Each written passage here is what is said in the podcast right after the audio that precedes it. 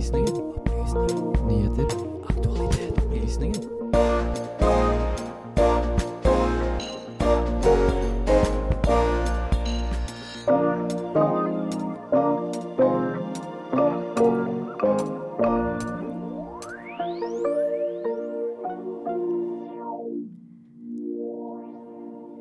COP28 er i full gang, men hva skjer egentlig nede i Dubai, og hvordan foregår forhandlingene? Borgerkrigen i Myanmar er ikke over. Men hva skjer egentlig akkurat nå der borte? Det har vært valg i Nederland, men hvorfor har dette blitt et sjokkvalg for mange? Og den nye helseplattformen har lenge vært kritisert. Vi tar opp gjennom gammel kritikk og ser at den er like relevant i dag som for ett år siden.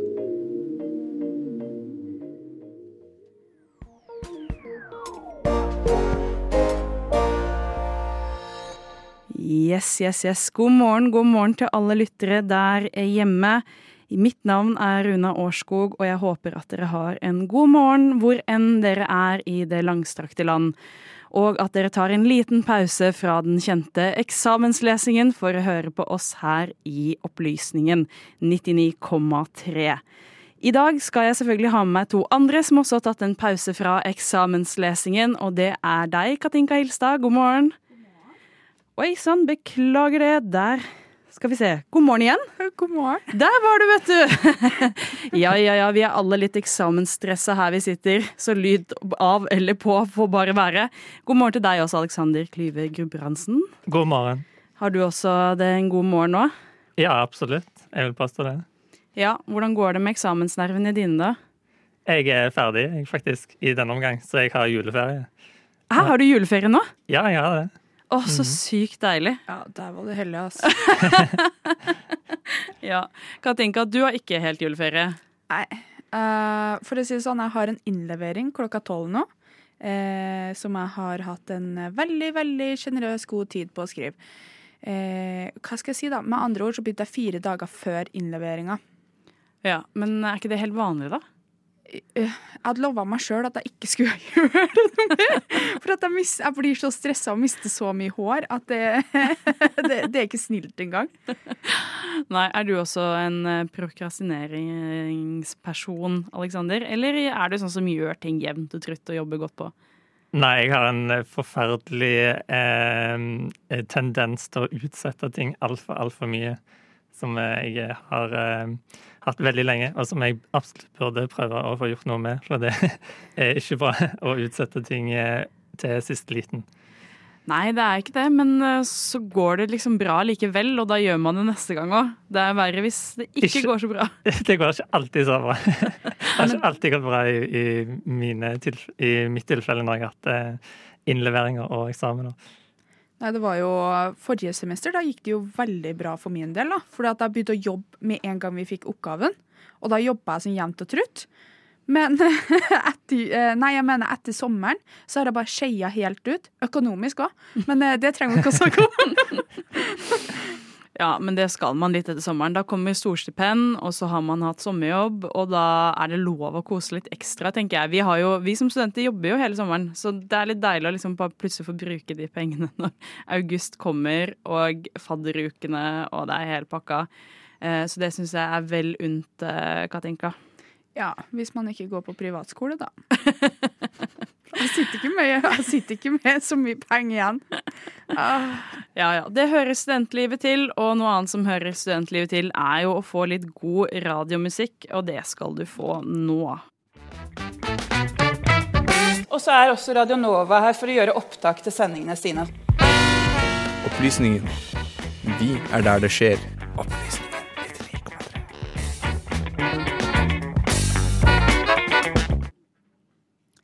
Ja, akkurat nå så foregår det et eh, ganske kjent møte nede i Dubai.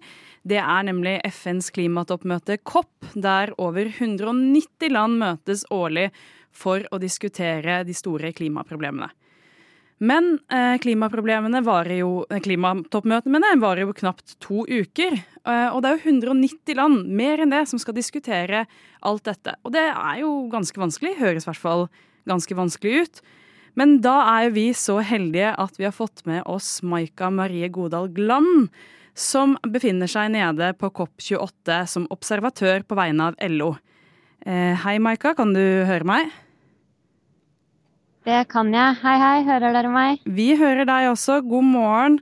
Eh, det er jo viktig å si at eh, du er jo en tidligere videregående venninne av meg, men akkurat i dag så skal du fortelle oss litt mer om hvordan ting foregår der nede. Kan du begynne å fortelle meg litt om hvordan dagene er der nede, og hvordan diskusjonene foregår? Ja, det kan jeg. Eh, det er utrolig intenst å være her nede. Får bare starte med å si det. Det er jo nesten 70 000 deltakere, blir det sagt. Både statsledere fra alle verdens land, men også en rekke observatører og deltakere som kommer fra interesseorganisasjoner, fra der jeg selv kommer fra, eh, fagbevegelsen.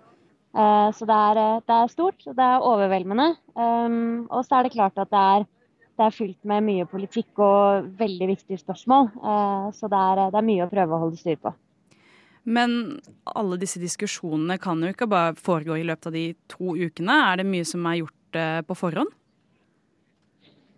Det er et interessant spørsmål, eh, og det var noe av det som kanskje overrasket eh, meg mest da jeg begynte å sette meg inn i hva som egentlig foregår her nede. Det er jo ikke bare to uker med diskusjon. Det er veldig mye som foregår opp mot et sånt her klimatoppmøte. Eh, og mye av det man diskuterer på dette klimamøtet, er jo faktisk noe man ble enige om for et år siden. Og eh, som eh, ja, ulike aktører da har jobbet sammen om og et forslag eh, gjennom disse siste tolv månedene. Eh, hvor det da er det forslaget eh, man, man, i stor grad diskuterer i løpet av, disse to ukene. Så man har f.eks. Eh, det har vært mye, mye, oppmerksomhet knyttet til dette tap- og skadefondet. Eh, som ble vedtatt at man skulle etablere i fjor på koppen i Egypt. Eh, som man da faktisk allerede har, eh, har, klart å lande store deler av eh, allerede i løpet av dag én da, i, i går i, på dette toppmøtet. Det er jo helt fantastisk at man har kommet så langt på bare én dag. Eh, hva er det det fondet går ut på, vet du det? Ja, så det fondet er i korte trekk, så handler det om å um, ja, om å skaffe finansiering uh, til land som opplever skader og tap som følge av klimakonsekvensene. Og så er det jo masse diskusjoner rundt hvordan dette fondet skulle se ut. Det er en av de tingene det har vært knyttet mye oppmerksomhet til, er f.eks. Om, om landene vil få disse pengene som et lån eller om de vil få det eh, som, eh, eh, ja, som, finansiering da, uten å måtte tilbakebetale. Eh, og det er selvfølgelig viktig for en del, eh, en del land som i dag eh, har en veldig, veldig høy gjeldsbyrde som følge av at de har fått låne penger. Men det er jo vanskelig å, betale tilbake et lån når du egentlig får penger som kompensasjon for et tap eller en skade eh, tap og skade genererer i liten grad nye, nye, gevinster da, og nye penger som, som gjør deg rusta til å tilbakebetale, rett og slett. Mm, og det er jo gjerne det som eh, går igjen i disse toppmøtene, er vel eh, ja, stoppe subsidier av olje og gass og hindre at eh, fattige land tar enda mer tap av dette med klimakonsekvensene. Er det noen andre ting eh, du ville trekket fram som positive eller negative ting som har skjedd i løpet av toppmøtet så langt, selv om det bare har vært eh, de siste 24-48 timene? Ja, positivt eller negativt. Eh, dette er i hvert fall et eh, klimatoppmøte hvor man skal ta tempen på hvordan det har gått Altså hvordan man har hatt fremgang siden Parisavtalen ble, ble underskrevet i 2015.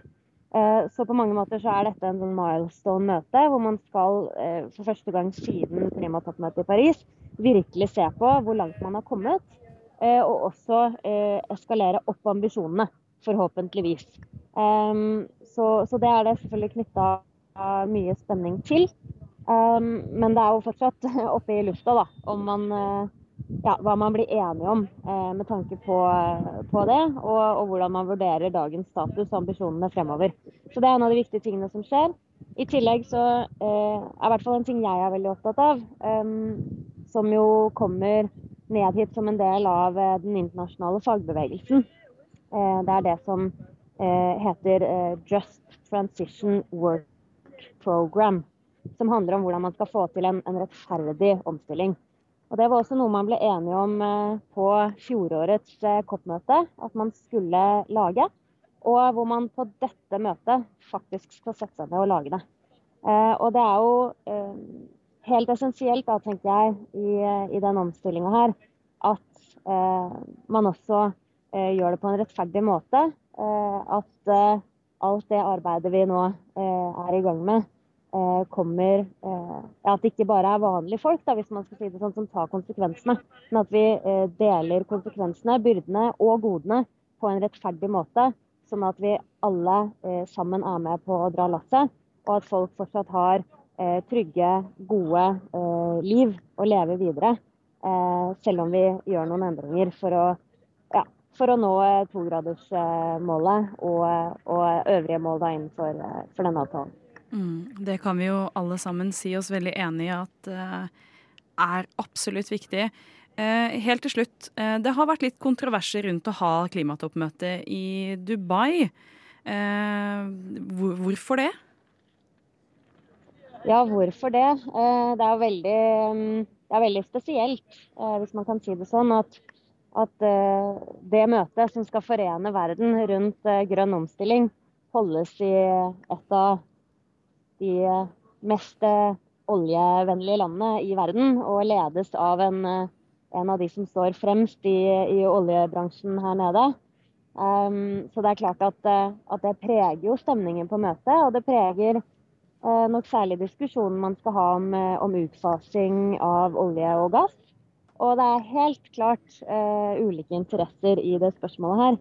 Men så har jeg også lyst til å si at sånn, til tross for det, så um, har det vært veldig tydelig fra, gjennom talene til presidenten uh, for dette COP-møtet at uh, de ønsker action, og så ønsker de den raskt. Uh, og de ønsker at vi skal få til gode og produktive forhandlinger her nede.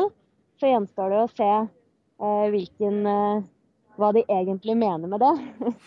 og ja, det har jo vært noen lekkasjer rundt at Eh, de forente emiratiske statene eh, har en, en, agenda om å fremme sin egen olje, oljelobby her nede. Så det er klart at det også preger, preger stemninga. Ja. Det er så spennende å høre hvordan det går der nede. Dessverre har vi ikke mer tid eh, til å snakke om det akkurat nå. Men tusen, tusen takk, Maika, for at du kunne stille og svare på alle våre spørsmål. Vi ønsker deg lykke til der nede i Dubai, og så får vi håpe at ikke du renner bort av svette der nede. Det er nok ganske varm, mye varmere enn her, for å si det sånn. Takk skal veldig du ha. Veldig varmt og veldig varmt å skulle gå rundt i dressjakke. Tusen takk for at jeg fikk lov til å komme. ja, så snakkes vi. Ha det godt. Ha det godt. Opplysningen hver fredag. Du skal si 10 til 11? Nei, men hvis, hvis opplysningen hver fredag 10 til 11 på Radio Nova. Ja, okay. ja, det er det. Det stemmer. Velkommen tilbake til Opplysningen her på Radio Nova. Eh, nå skal vi over til en litt annen alvorlig sak. Eh, Alexander, husker du hva som skjedde morgenen februar 2021? Hvis jeg ikke husker helt feil, så var det et eh, statskupp i eh, Myanmar det var Myanmar vi skulle til, skjønner Ja. ja, det var sikkert mye som skjedde den dagen, men i Myanmar så var det et eh, statskupp, hvis jeg ikke tar feil, hvor eh, juntaen som har styrt Myanmar, Myanmar veldig mye de siste tiårene, tok makta tilbake etter at det hadde vært en, et litt mer demokratisk styre i årene før det. Mm. Det stemmer. Det var eh, helt riktig på spørsmålet der. Eh, og en av de i opplysningen som har tatt en liten ekstra titt på dette, det er Ludvig. Og nå skal du få høre om hvordan det går i Myanmar i dag. Myanmar, the land of golden temples and pagodas. Et eventyrland ifra den lange østen. For meg så er det noe som kommer opp når jeg søker på Myanmar. En andre ting som kommer opp, er borgerkrigen som utspiller seg akkurat nå. Husker du det? Visste du at det var en borgerkrig som skjer der akkurat nå? Nei, jeg skal ikke skylde på deg at du ikke husker eller husker noe. Med Ukraina og Palestina-krigen gående nå, litt nærmere oss nå, er det kanskje den dosen av utenriksnyheter vi trenger, og ikke noe borgerkrig langt øst. Men det er derfor jeg er her nå, til å fortelle deg litt om det som går føre for seg i Myanmar akkurat nå. Morgenen den 1. februar 2021 utførte militæret i Myanmar, kjent som Tatmada, et statskupp. Ledende medlemmer av parlamentet og partiet National League for Democracy ble stoppet til å kunne ta eden til å bli medlemmer av parlamentet etter valget i 2021. Lederen for eh, National League for Democracy, Aung San Suu Kyi, og presidenten Win Mint ble satt i husarrest, og en nødsituasjon ble erklært av visepresidenten Min Sve, og alle lovgivende administrative og rettsavgjørelser har blitt overført til forsvarssjefen Min Aung-Tiang. Dette kom som bakgrunn av et retur til demokrati i 2015, hvor for første gang på over 20 år så kunne burmesere stemme i et demokratisk valg. National League for Democracy vant valget og kom ut med et stort mandat i folkeforsamlinger. Ved valget i 2021 så fikk de et enda større mandat. 396 av 476 mandater. Som følge av denne ulovlige statskuppet så ble det etablert en State Administration Council. I praksis bare en militær junta. Folk tok til gatene som konsekvens av dette, og startet å protestere for frigjøring av Aung San Suu Kyi og tilbakeføring til et demokratisk styreform. Protestene ble møtt med makt og slått ned på brutalt vis. Ut av dette starta NLD og avsette parlamentarikere en samlingsregjering som en motpol for State Administration Council. Denne samlingsregjeringen tok valget å ta opp væpna kamp for å bekjempe militærhuntaen. Myanmar er ikke noe fremmed til politisk instabilitet og opprør. Siden Myanmar, som den gang het Burma, fikk uavhengighet fra Storbritannia, så har han vært preget av politisk instabilitet. Rundt 70% av befolkninga er etniske Bama-folk, men resten av de 30% er andre ulike etniske grupper og har lang historie med å ty til våpen og makt for å kjempe mot sentralregjeringen i Yangon. Disse er godt trente med lager av våpen, og de fleste av disse etniske militærorganisasjonene har pragmatisk tatt side sammen med samlingsregjeringen og kjempet nå mot militærhuntaen. Til gjengjeld så har samlingsregjeringen lovet om å vinne føderal struktur i Myanmar for å sikre rettigheter til etniske minoriteter og stater. Store deler av kampen som har pågått de siste, har skjedd i staten Shan i Øst-Myanmar, hvor militær historisk aldri har hatt klart å erklære full kontroll. Tidligere general Mint Sue, som ble utnevnt etter statskuppet i 2021, talte på et hastemøte holdt av det regjerende militærrådet for å ta opp en serie koordinerte angrep fra antimilitæropprørere, som har påført de væpnede styrkene alvorlige tap. Tre etniske opprørsherrer i Shan-staten, støttet av andre væpnede grupper som er motstandere av regjeringen, har overkjørt dusinvis av militærstillinger og erobret grenseoverganger og veiene som bærer mesteparten av landhandelen med Kina. Det er det alvorligste tilbakeslaget juntaen har lidd siden den tok makten i 2021. Etter to og et halvt år med kamp mot det væpnede opprøret de framprovoserte med sitt katastrofale kupp, ser militæret nå svake ut, og muligens overvinnelige. Regjeringen har svart med luftangrep og artilleribombardementer, og tvunget dusinvis av mennesker til å forlate hjemmene sine, men den har ikke klart å hente inn forsterkninger eller ta tilbake land den har mistet. Blant hundrevis av drepte tropper antas å være sjefen for regjeringsstyrkene i nordlige Shan-stat, brigadegeneral Ang Kyav Lyn, den høyeste offiseren som er drept i kamp siden kuppet. Det som gjør dette angrepet enda mer betydningsfullt, er at dette markerer første gang de er godt væpnede opprørerne som opererer i Shan-staten, eksplisitt har innretta seg sjøl og sine militære operasjoner med den bredere kampanjen for å styrte juntaen og gjenopprette demokratisk styre. Det er imidlertid andre faktorer som spiller inn. Disse tre opprørsgruppene har langvarige ambisjoner om å utvide territoriet de har. Og Det avgjørende er at Kina, som normalt virker som en begrensende innflytelse på alle gruppene langs grensen til Myanmar, ikke har forhindret denne operasjonen i å fortsette. Det er sannsynligvis pga. dens frustrasjon over den militære regjeringens passivitet og over svindelsentrene som har spredt seg i Shan-staten. Tusenvis av kinesiske statsborgere og andre utlendinger har blitt tvunget til å jobbe i disse svindelsentrene. Opprørerne sier de endenes mål er å stenge dem. I 2021, da fredelige protester mot kuppet ble voldelig knust av militæret og politiet, bestemte opposisjonsaktivister at de hadde noe annet valg enn å be om et landsoppfattende væpnet opprør mot juntaen. Mange flyktet til områder kontrollert av etniske opprørere langs Myanmars grenser til Thailand, Kina og India, hvor de håpa å få tilgang til trening og våpnene de fleste av dem mangla.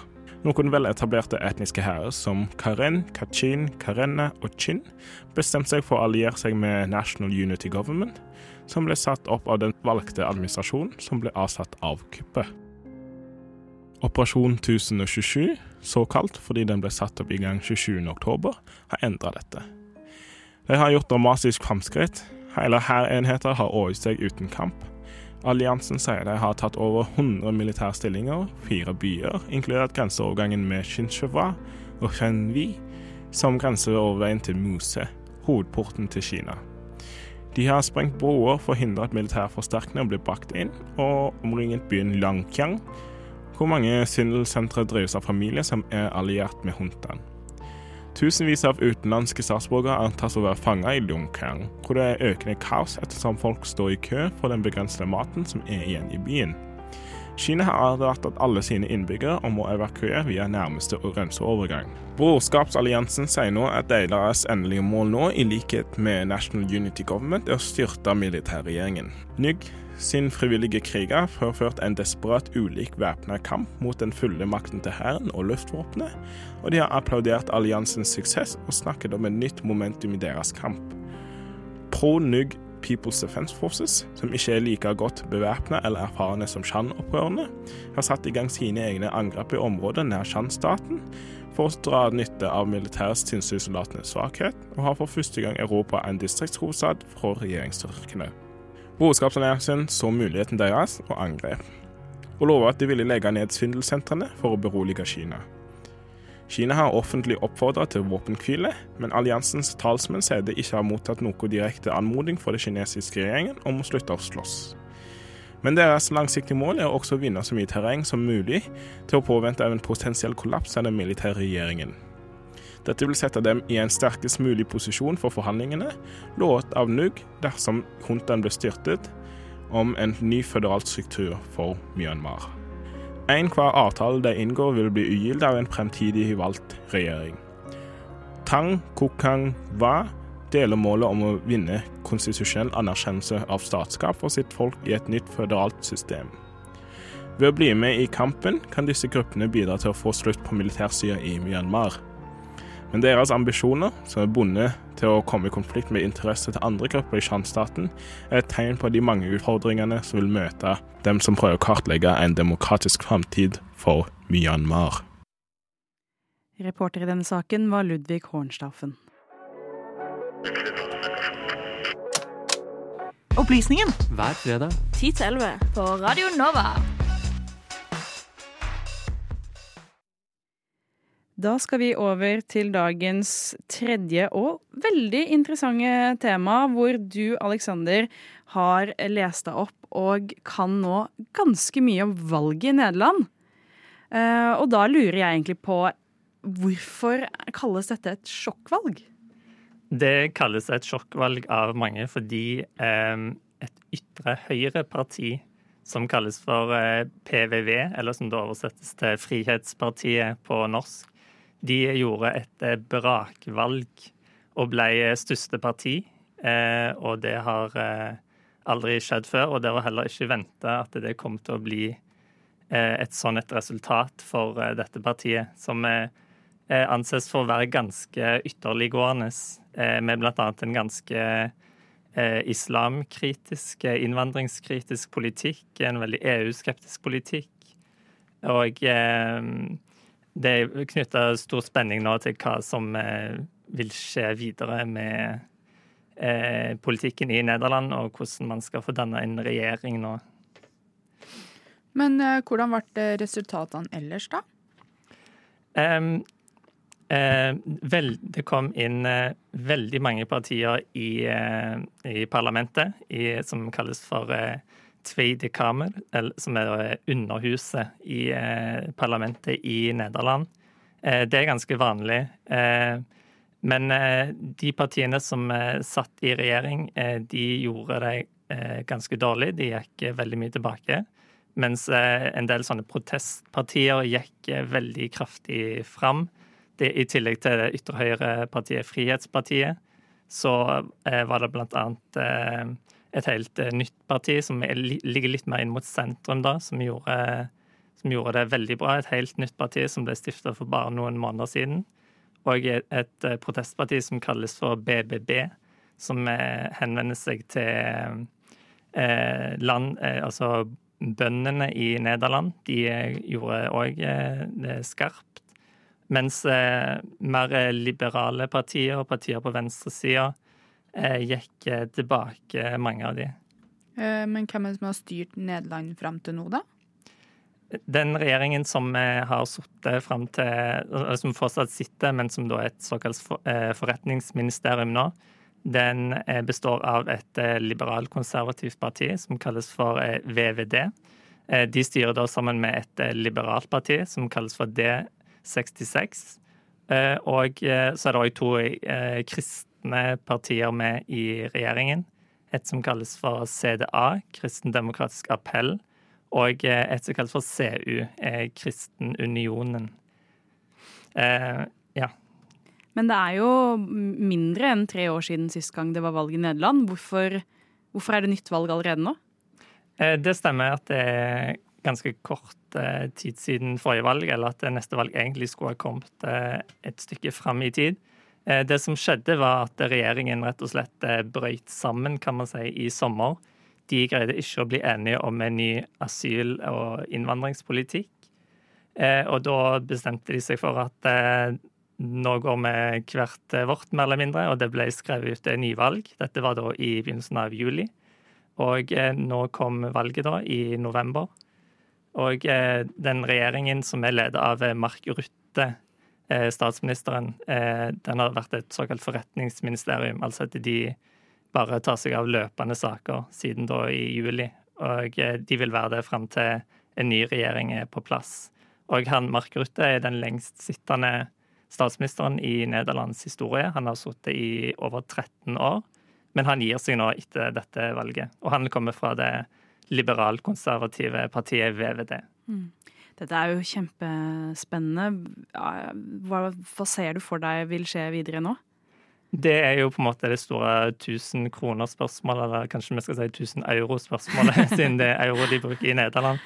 Eh, det som skjer akkurat nå, da, det er at det føres samtaler mellom eh, partiene, eller man har utpekt en sånn en kaller man det, som en en eh, politiker eller en person som eh, har ansvaret for å snakke med partilederne og prøve å liksom sondere terrenget litt, prøve å finne ut hva slags koalisjoner er det som er mulig her. For man må jo ha ganske mange partier for å få til et flertall for en regjering. For det kom jo inn fryktelig mange partier, 15 partier tror jeg det var, i parlamentet. Så det vil bli veldig vanskelig å få danna en regjering. Det ser sånn ut i hvert fall. Det kan ta lang tid. Ehm, eh, men eh, i og med at det ytre høyre-partiet PVV ble størst, så eh, kan det bli vanskelig å holde de utenfor regjering for de partiene som ønsker det. Det er jo ingen som har ønska å ha de inn i regjering tidligere. Men så er det noen partier, blant annet det store liberalkonservative partiet som har statsministeren, de, har, de åpna rett før valget for et samarbeid med, eh, med PVV, som er ledet av Reirt Wilders, som kanskje en del har hørt om. Eh, og, eh, men så er det jo spørsmålet hva slags politikk vil da en, en regjering med PVV kunne føre? Vil man da få en sterk Eh, innstramming i eh, innvandringspolitikken. Det er nok ganske sannsynlig. Eh, vil det bli problemer mellom Nederland og EU? Det er et spørsmål, i og med at PVV har en så EU-kritisk politikk. Og PVV har òg gått ut mot våpendonasjoner til Ukraina. Så det kan bli veldig Det er veldig usikkert hva som skjer framover nå i nederlandsk politikk, men det blir spennende å følge med på. Dette er eh, enormt eh, spennende, helt enig. Og det er nok ikke siste gangen vi skal snakke om valget i Nederland eller de generelt eh, store valgene som skjer, hvor flere høyrepopulistiske partier har vunnet. Men det får dessverre bli for en annen gang. Nå skal vi ha litt mer musikk her på Radio Nova. Alexander, har du hørt om Radio Nova? Har du hørt om Opplysningen? Er det noe i Stavanger? Jeg kjenner ikke til noe i Oslo, bare i Stavanger. Hvis det er radio i Oslo, så har jeg ikke hørt om det. Opplysningen 99,3. Fredag fra 10 til 11.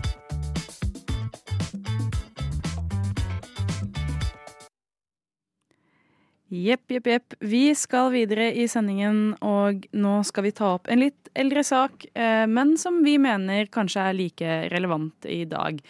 Har du fått med deg all kritikken rundt helseplattformene, Katinka? Ja, det har jo foregått i over lengre tid, det her. Fortsatt veldig mye å, som de må rette opp i. Hva slags eh, kritikk er det helseplattformene har fått, Aleksander?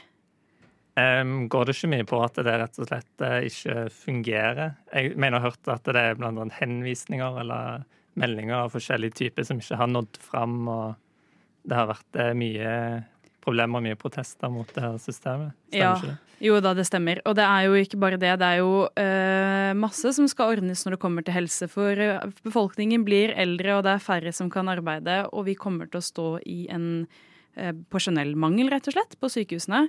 Eh, og i den forbindelse så har det jo vært eh, mye kritikk, for da vil eh, regjeringen legge ned ulike avdelinger rundt omkring, spesielt i Nord-Norge. Ja, det er jo en stor sak nå, annet i Lofoten, hvor eh, sykehuset der er foreslått å miste sine akutte funksjoner. Mm. Da vil jo befolkningen der få en lengre reisevei til akuttsykehus, sånn jeg forstår det. Og det skaper masse protester. Ja, Syns du det er litt eh, skummelt, eh, Katinka? Ja, jeg mener det har vært ganske mye Du har jo hørt ganske mye sånn um, Hva skal jeg si, ja? Eh, ikke cyberattack, men mer litt sånn Folk har brettet seg inn i legeregistrene og litt sånne ting. Så det er jo usikkert, da. Mm. Det er i hvert fall usikkert når det kommer til både legemangel, personellmangel, nedleggelse av akuttmottak, eh, helseplattformer og internetting som ikke fungerer veldig godt. Og vi har hatt en gammel sak med et intervju med en lege som forteller litt om sin arbeidshverdag. Eh, den var i hovedsak retta mot kritikken til eh, Kjerkol sin sykehustale for et år siden. Eh, Men vi her i Opplysningen mener at denne saken dessverre er like relevant i dag som den var da. Det kan gå mange timer før man både får gått på toalettet og får spist eh, matpakken sin. Eh, av og til så jobber man til og med uten, eh, uten pauser i det hele tatt. Tirsdag 17. januar holdt helseminister Ingvild Kjerkol sykehustalen ved St. Olavs hospital i Trondheim. Der kom det bl.a. frem at sykehusene skulle kutte i vikarbruk, at helseforetakene skulle utarbeide en rapport om bemanning, og at det skulle brukes mer tid på pasienter. Og når helseministeren ber oss om å kutte i ulike tilbud, føles det veldig eh, lite forståelsesfullt. Polina Petrovic er lege ved et av landets universitetssykehus. Og sammen med mange andre sykehusansatte opprørte talen til helseminister Ingvild Kjerkol henne. Det som provoserte mest, var at vi har en helseminister som ikke ser at eh, hvis hun tar ut et kort av eh, korthuset, så kommer huset til å rase ned. Polina er min venninne og har sagt ja til å delta i et intervju om Ingvild Kjerkols sykehustale, og for å oppklare litt i hvordan helsesystemet fungerer for legene. I mange år har historier om lange arbeidsdager og mangel på kompetent helsepersonell vært en del av debatten i helsevesenet. Historier om sykepleiere som har lange vakter og går uten pauser, har nærmest blitt en vanlig problematikk som vi overser i dag. Og en vanlig arbeidsdag for legene er heller ikke noe unntak. Jeg jobber hovedsakelig i um, akuttmottaket, men også noe på sengepost. Og på et akuttmottak på et universitetssykehus så er det naturlig nok eh, mange pasienter innom eh, hver dag. Det kan gå mange timer før man både får gått på toalettet og får spist eh, matpakken sin. Av og til så jobber man til og med uten, uten pauser i det hele tatt. De korteste vaktene mine er på ni timer, og de lengste vaktene mine er på 14 timer. Det er arbeidshverdagen min akkurat nå. Presset stiger, og per dags dato er jobber i helsevesenet et av de yrkene med høyest sykefravær. Og istedenfor å øke bemanningen og senke antall timer, tyr helsevesenet til vikarbruk. Den store flaskehalsen nå er eh, LIS1-stillingene, også kjent som turnstjeneste. Det er eh, et utdanningsløp som alle leger må ha for å kunne videreutdanne seg som en spesialist. Og akkurat nå så er det rundt i underkant av 50% som får LIS1-stilling med en gang. Og resten er da jobber i vikariater, som f.eks. vikariater på sengeposter eller i akuttmottak. Hadde vi da kunnet fått de 50% som ikke jobber i lisensstillinger, over i lisensstillinger, så kunne vi også utdannet flere leger, eh, hatt flere inn i et spesialistløp, og vi kunne sluppet å bruke så mange vikarer. Det er kanskje ikke rart at sykehustalen til Kjerkol derfor har provosert. For å kunne minke vikarbruken er sykehusene avhengig av mer penger og flere stillinger. Men det sier Kjerkol ingenting om. Derimot skal det skje en rekke kutt fremover. Ullevål sykehus skal kutte med hele 440 årsverk, og sykehusene blir bedt av Kjerkol om å prioritere behandlingene fremover og se hvor de har muligheten til å kutte. Når helseministeren ber oss om å kutte i ulike tilbud, føles det veldig eh, lite forståelsesfullt, egentlig. Hun ber oss bl.a. om å kutte i vikarbruk. Eh, og dette er jo vikarer som da dekker opp, som jeg allerede har nevnt, som dekker opp for mye av det spesialister ikke strekker til med. Dette er vikarer som er ferdig utdannede, som venter på å få en lisenplass. Hvis hun virkelig mener at vi skal kutte ned i vikarer, så må vi også sette inn flere lisensstillinger. Det må være kompensasjonen for kutt i vikarbruk. Selv om det meste av denne kritikken har vært rettet mot Kjerkol og hennes tale, er ikke dette noe nytt fenomen. Regjeringer fra begge sider av politikken har opp igjennom tidene bedrevet store kutt i årsverk og pasienttilbud. F.eks. skal Ullevål snart legges ned, til fordel for det nye sykehuset på Aker. Der skal det være færre sengeplasser og kortere oppholdstider for pasientene. Dette er ikke bare en kritikk av sykehusuttalen, men at vi har et institusjonelt problem hva gjelder helsevesenet. Det må bevilges nok penger til helse og omsorg, og som Polina sa, er ett forslag å skape flere utdanningsstillinger. Og til slutt kan vi stille oss spørsmålet om vi virkelig kan kalle oss et velferdssamfunn dersom vi ikke tar vare på våre svakeste gjennom gode helsetilbud. Ingvild Kjerkol har vært kontaktet flere ganger angående denne saken, men har ikke ønsket å kommentere.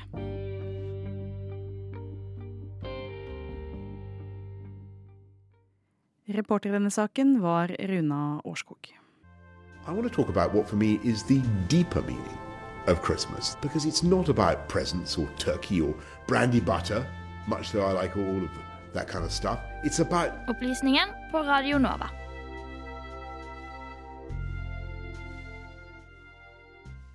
Ja, der sneik jeg meg til en liten julejingle nå 1. desember. Er det noen av dere som skal noe litt juleaktig i helga da, Katinka? Jeg skal bake. Du skal bake? Ja, ja, ja. Sånn sjakkrute. Oh. Eh, og så blir det lørdag blir det sirupsnippa, men jeg kommer til å spise opp det igjen, da. er, er det to av de sirupslagene? Ja, nei, sjakkruta, det vet jeg ikke. Men uh, hva er det heter igjen? Sånn um, sirupsnippa. Ja. Det tror jeg er en del av det. Mm. Men som sagt at uh, vi kommer aldri til den delen med å faktisk bake det for at jeg spiser opp deigen. Hva med deg, og Aleksander? Um, jeg vet ikke om jeg skal ha noe veldig julete, men jeg gleder meg litt til det første søndag i advent. For jeg er veldig glad i advent. Ja, Skal du på julegranstenning et eller annet sted her i byen?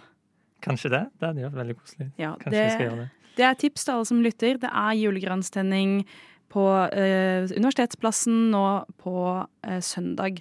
Eh, og da er det bare for meg å si at medvirkningen i denne sendingen, det har vært Ludvig Hornstaufen.